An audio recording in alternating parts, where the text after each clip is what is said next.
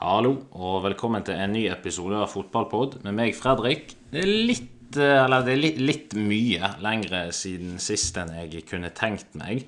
Det er, det er bare av og til ting skjer som gjør at man ikke har helt samme tiden til å drive med superhobbyen sin. Men anyway, vi Eller vi. Det er ikke, det er ikke et, det er et one man show, dette her. Meg eh, er tilbake med en ny episode av Fotballpod. Og velkommen skal du være. Og vi hopper i det, for det for en helg vi hadde i England. Arsenal hadde en snuoperasjon som kan ha sikret et eventuelt ligagull når vi teller opp eh, nå i mai. Ju, juni er det vel. Og det ble avsluttet med Nelson, som eh, hadde en 3-2-skåring som minnet om den gangen Federico Macheda reddet tre poeng for eh, Manchester United mot Blackburn for ganske lenge siden. Og så Manchester City. De snublet ikke i det som for mange har vist seg å være en tricky motstander, Newcastle. Men denne episoden skal nok handle om eh, noe som Liverpool-fans elsker å snakke om, mens United-fansen egentlig kun vil glemme det.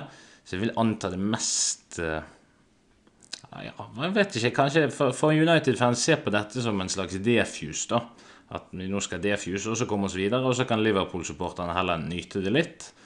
Uh, men det ble, ble 7-0 på Anfield.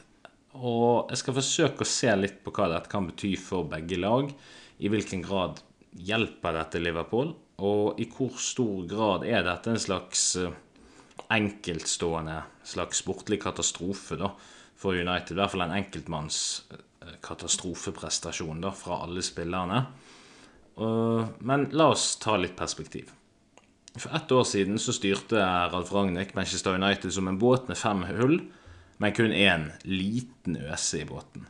Med andre ord, båten tok inn vann fortere enn eh, den godeste Ralf klarte å øse ut, og det meste så i grunnen bekmørkt ut.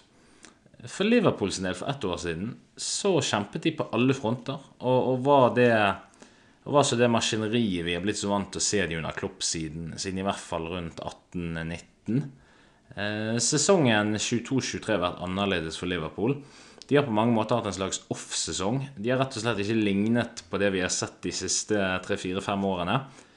Og jeg vil se på det som en slags transaksjonssesong hvor mye har endret seg, ting skal sette seg. Imidlertid, formen i Premier League har vært god siste tiden.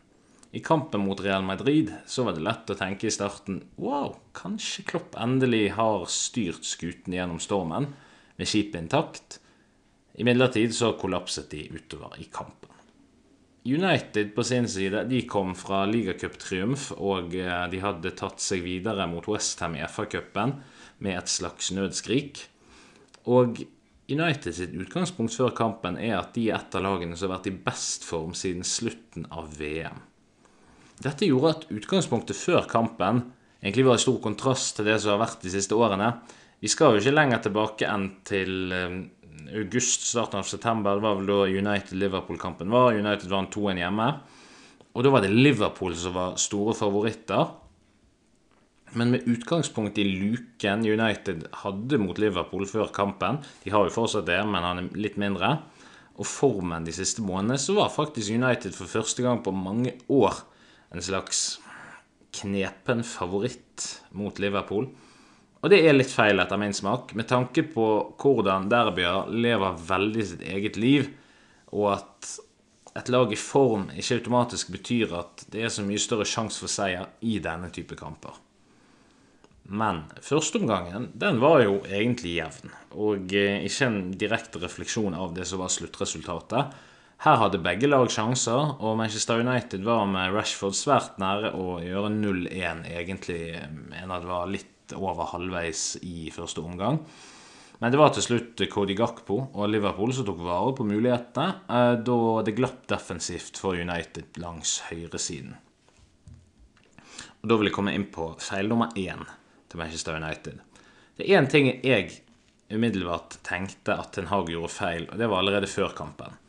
Det var valget av Diogo Dalot foran Fambisaka. Med tanke på at Liverpool har spillere som Gakpo, Nunes, Robertson, så alle kommer til å utfordre eh, United sin høyreback, så synes jeg valget av Bisakka hadde vært så mye mer naturlig I hvert fall når du ser det opp mot hans defensive trygghet og faktisk veldig gode form. Det var på den siden òg at Gakpo satt 1-0 til Liverpool og avsluttet et veldig godt gjennomført angrep av Liverpool. Og la oss hoppe videre på å analysere United litt, før vi skal analysere litt Liverpool. Det var noe som skurret etter at United kom under, syns jeg. Spillerne de så mer slitne ut enn normalt. Det var mer eh, slags sånn gestikulering, bemerkninger mot hverandre innad i laget. Og det samholdet som vi har blitt vant til å se denne sesongen, var ikke tilstedeværende i samme grad som før. I andre omgang så utviklet dette seg til en kollektiv kollaps på alle, alle områder av Manchester United en sånn rett og slett en right-off-dag. På samme måte som mot Brentford i august, mot City på Etihad og nå på søndag mot Anfield. Det er tredje kollapsen til United denne sesongen i Premier League. Det som er interessant, er at etter de to foregående kollapsene så har United gått på en eh, winning streak etterpå. Det blir spennende å se om det skjer denne gangen òg. Men jeg syntes komboen av eh, Anthony, Fred og Dalot langs høyresiden da, så skremmende ut. fordi at der er det, det er mye OK offensivt i den trioen, men defensivt så er det litt flere mangler. Ja, Fred og Dalot de har vært gode under Ten Hag, men tross Liverpool sin offsesong så har fortsatt Liverpool klassespillere fremover altså er bedre enn det f.eks. Newcastle og Westham har vist og hatt mot United i de to foregående kampene. Jeg syns rett og slett det så Det så litt for tynt ut med tanke på defensive kvaliteter når du ser at United skal opp mot et så bra lag som Liverpool har potensial til å være. De har ikke vist det denne sesongen, men det viste de på søndag. Og United hadde ikke nok defensiv trygghet til det. Tross at det var flere eh, spillere innpå som har det, type Martinez, Ferran Casemiro. Eh, men jeg syns det så veldig tynt ut med Anthony Fred og Dalot. Det jeg merket, eh, det merket jeg òg i førsteomgangen mot Newcastle i ligacupfinalen, der Newcastle ofte kom seg forbi Diogo Dalot.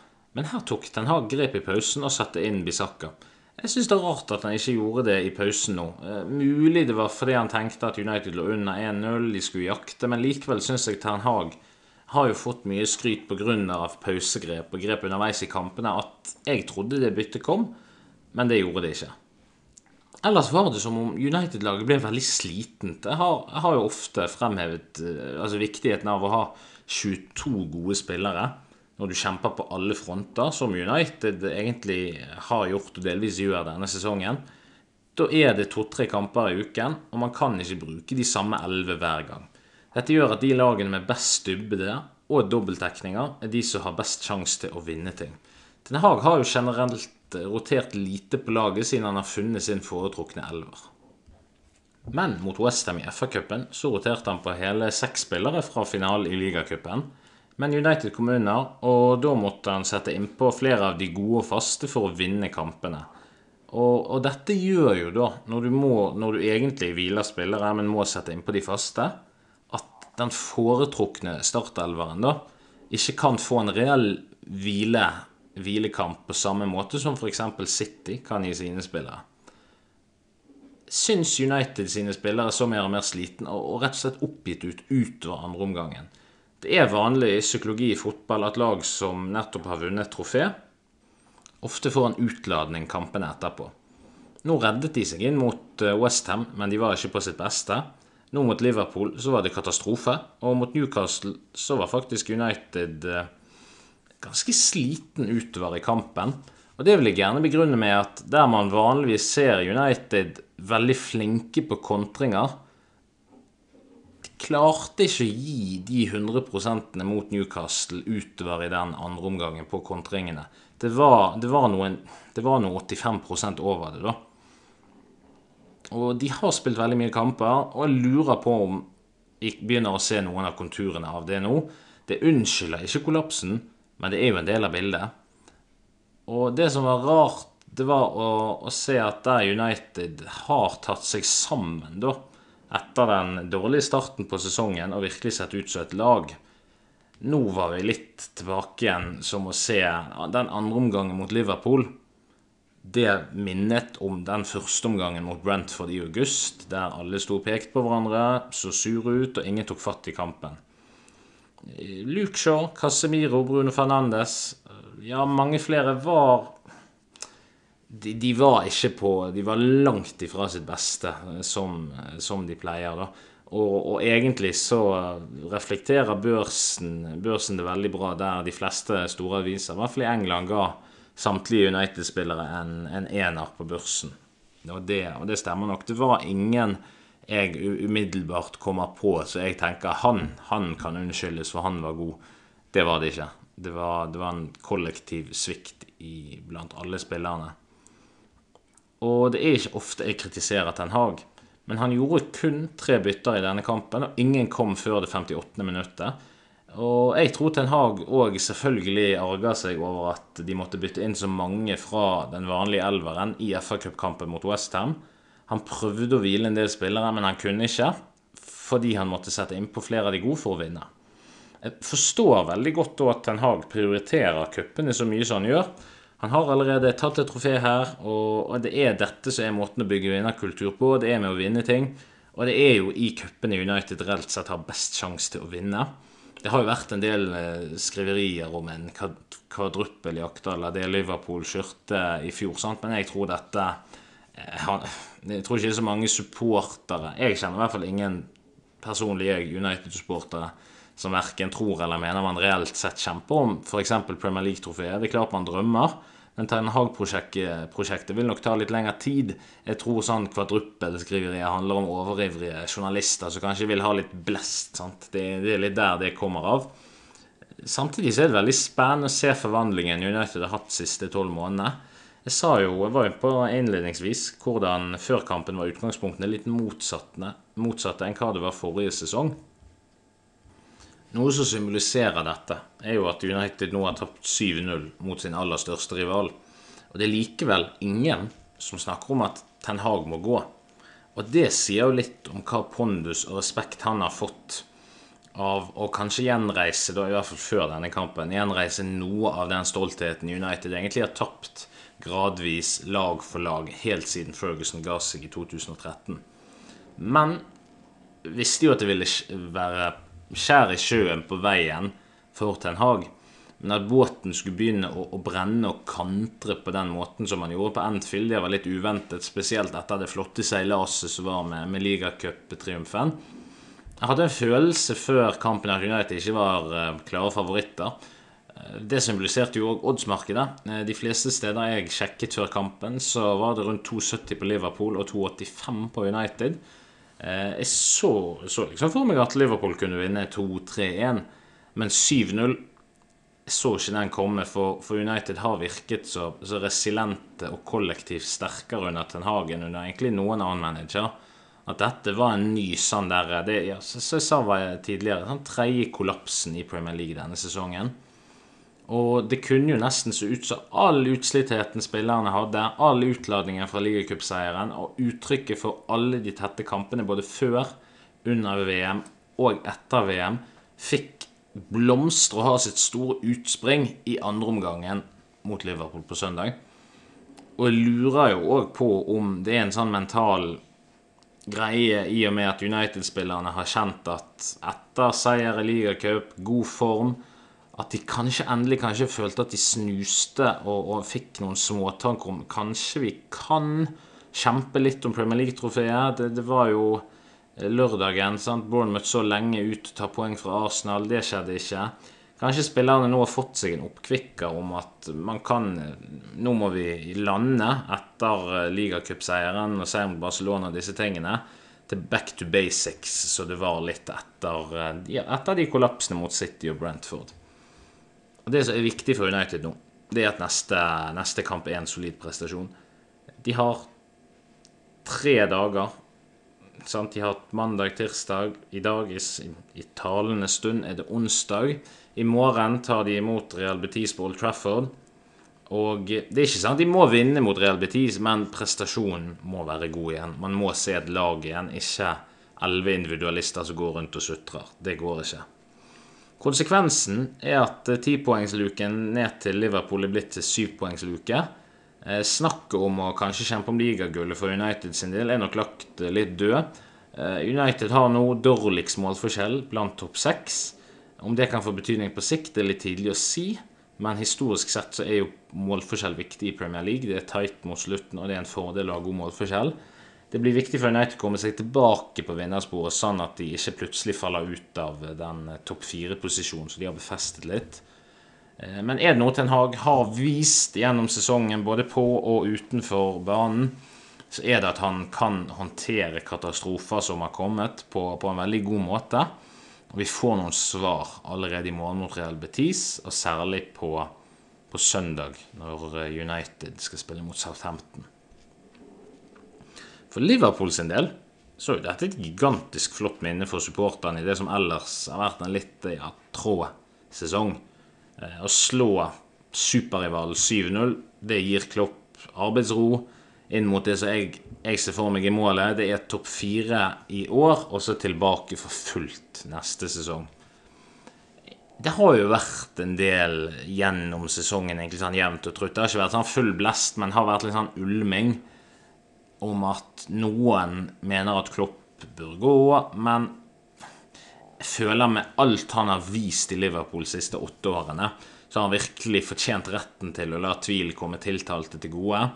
Transformasjonen fra han kom inn til i dag, er vill. Han har vært der såpass lenge at det var jo et spørsmål om Det var jo litt spørsmål om tid før Liverpool ville prestere under par. Men er denne sesongen egentlig under par? Eh, både ja og nei. For det standardene Liverpool har satt for seg sjøl siste sesongene, har jo egentlig gjort at alt som ikke involverer kamp om tittel helt inn, og minst 90 poeng, vil bli sett på som en skuffelse fordi de har satt så høye standarder.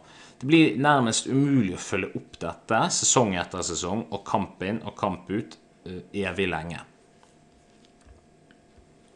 Dette er jo òg en del av forklaringen til managerresirkulering, som vi ser så ofte. Du vet lagene de, de bytter mye managere.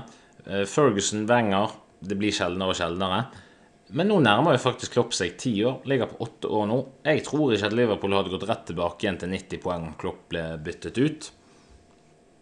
Han har gjort seg fortjent til en off-sesong der det har vært litt utskiftninger. Mistet Mané bl.a. Den kjente trioen i front er jo da switchet på. Gakpo Nunes i fremtiden. Sala, han er Sala. Midtbanen har vært det store problemet for Liverpool i år, og jeg ser fort for meg at med en god signering her i sommer, en stødig sentral midtbanespiller, så kan fort Liverpool egentlig være rett tilbake, for da er det mye som har settlet seg. I år så handler det jo nå om topp fire. Kan de klare det? Vel, hvis, hvis, kampen mot United er en indikasjon, så absolutt. For det var klubbfotball på sitt aller mest fantastiske. Klart United var svake, men vi må heller ikke frata Liverpool prestasjonen, for den var vanvittig bra. Klopp sa jo òg etter kampen at dette var, dette var laget sin beste prestasjon på veldig lenge. Det som virkelig var gjenkjennelig, det, det var fra de gode, gamle Liverpool, da kan vi si under Klopp, det var den kjappe ballvinningen. Flere av målene i andre omgang kom jo av at Liverpool transaksjonerte kjapt fra forsvar til angrep. Og så kunne de miste ballen, men den, de var så lojale i intensiteten.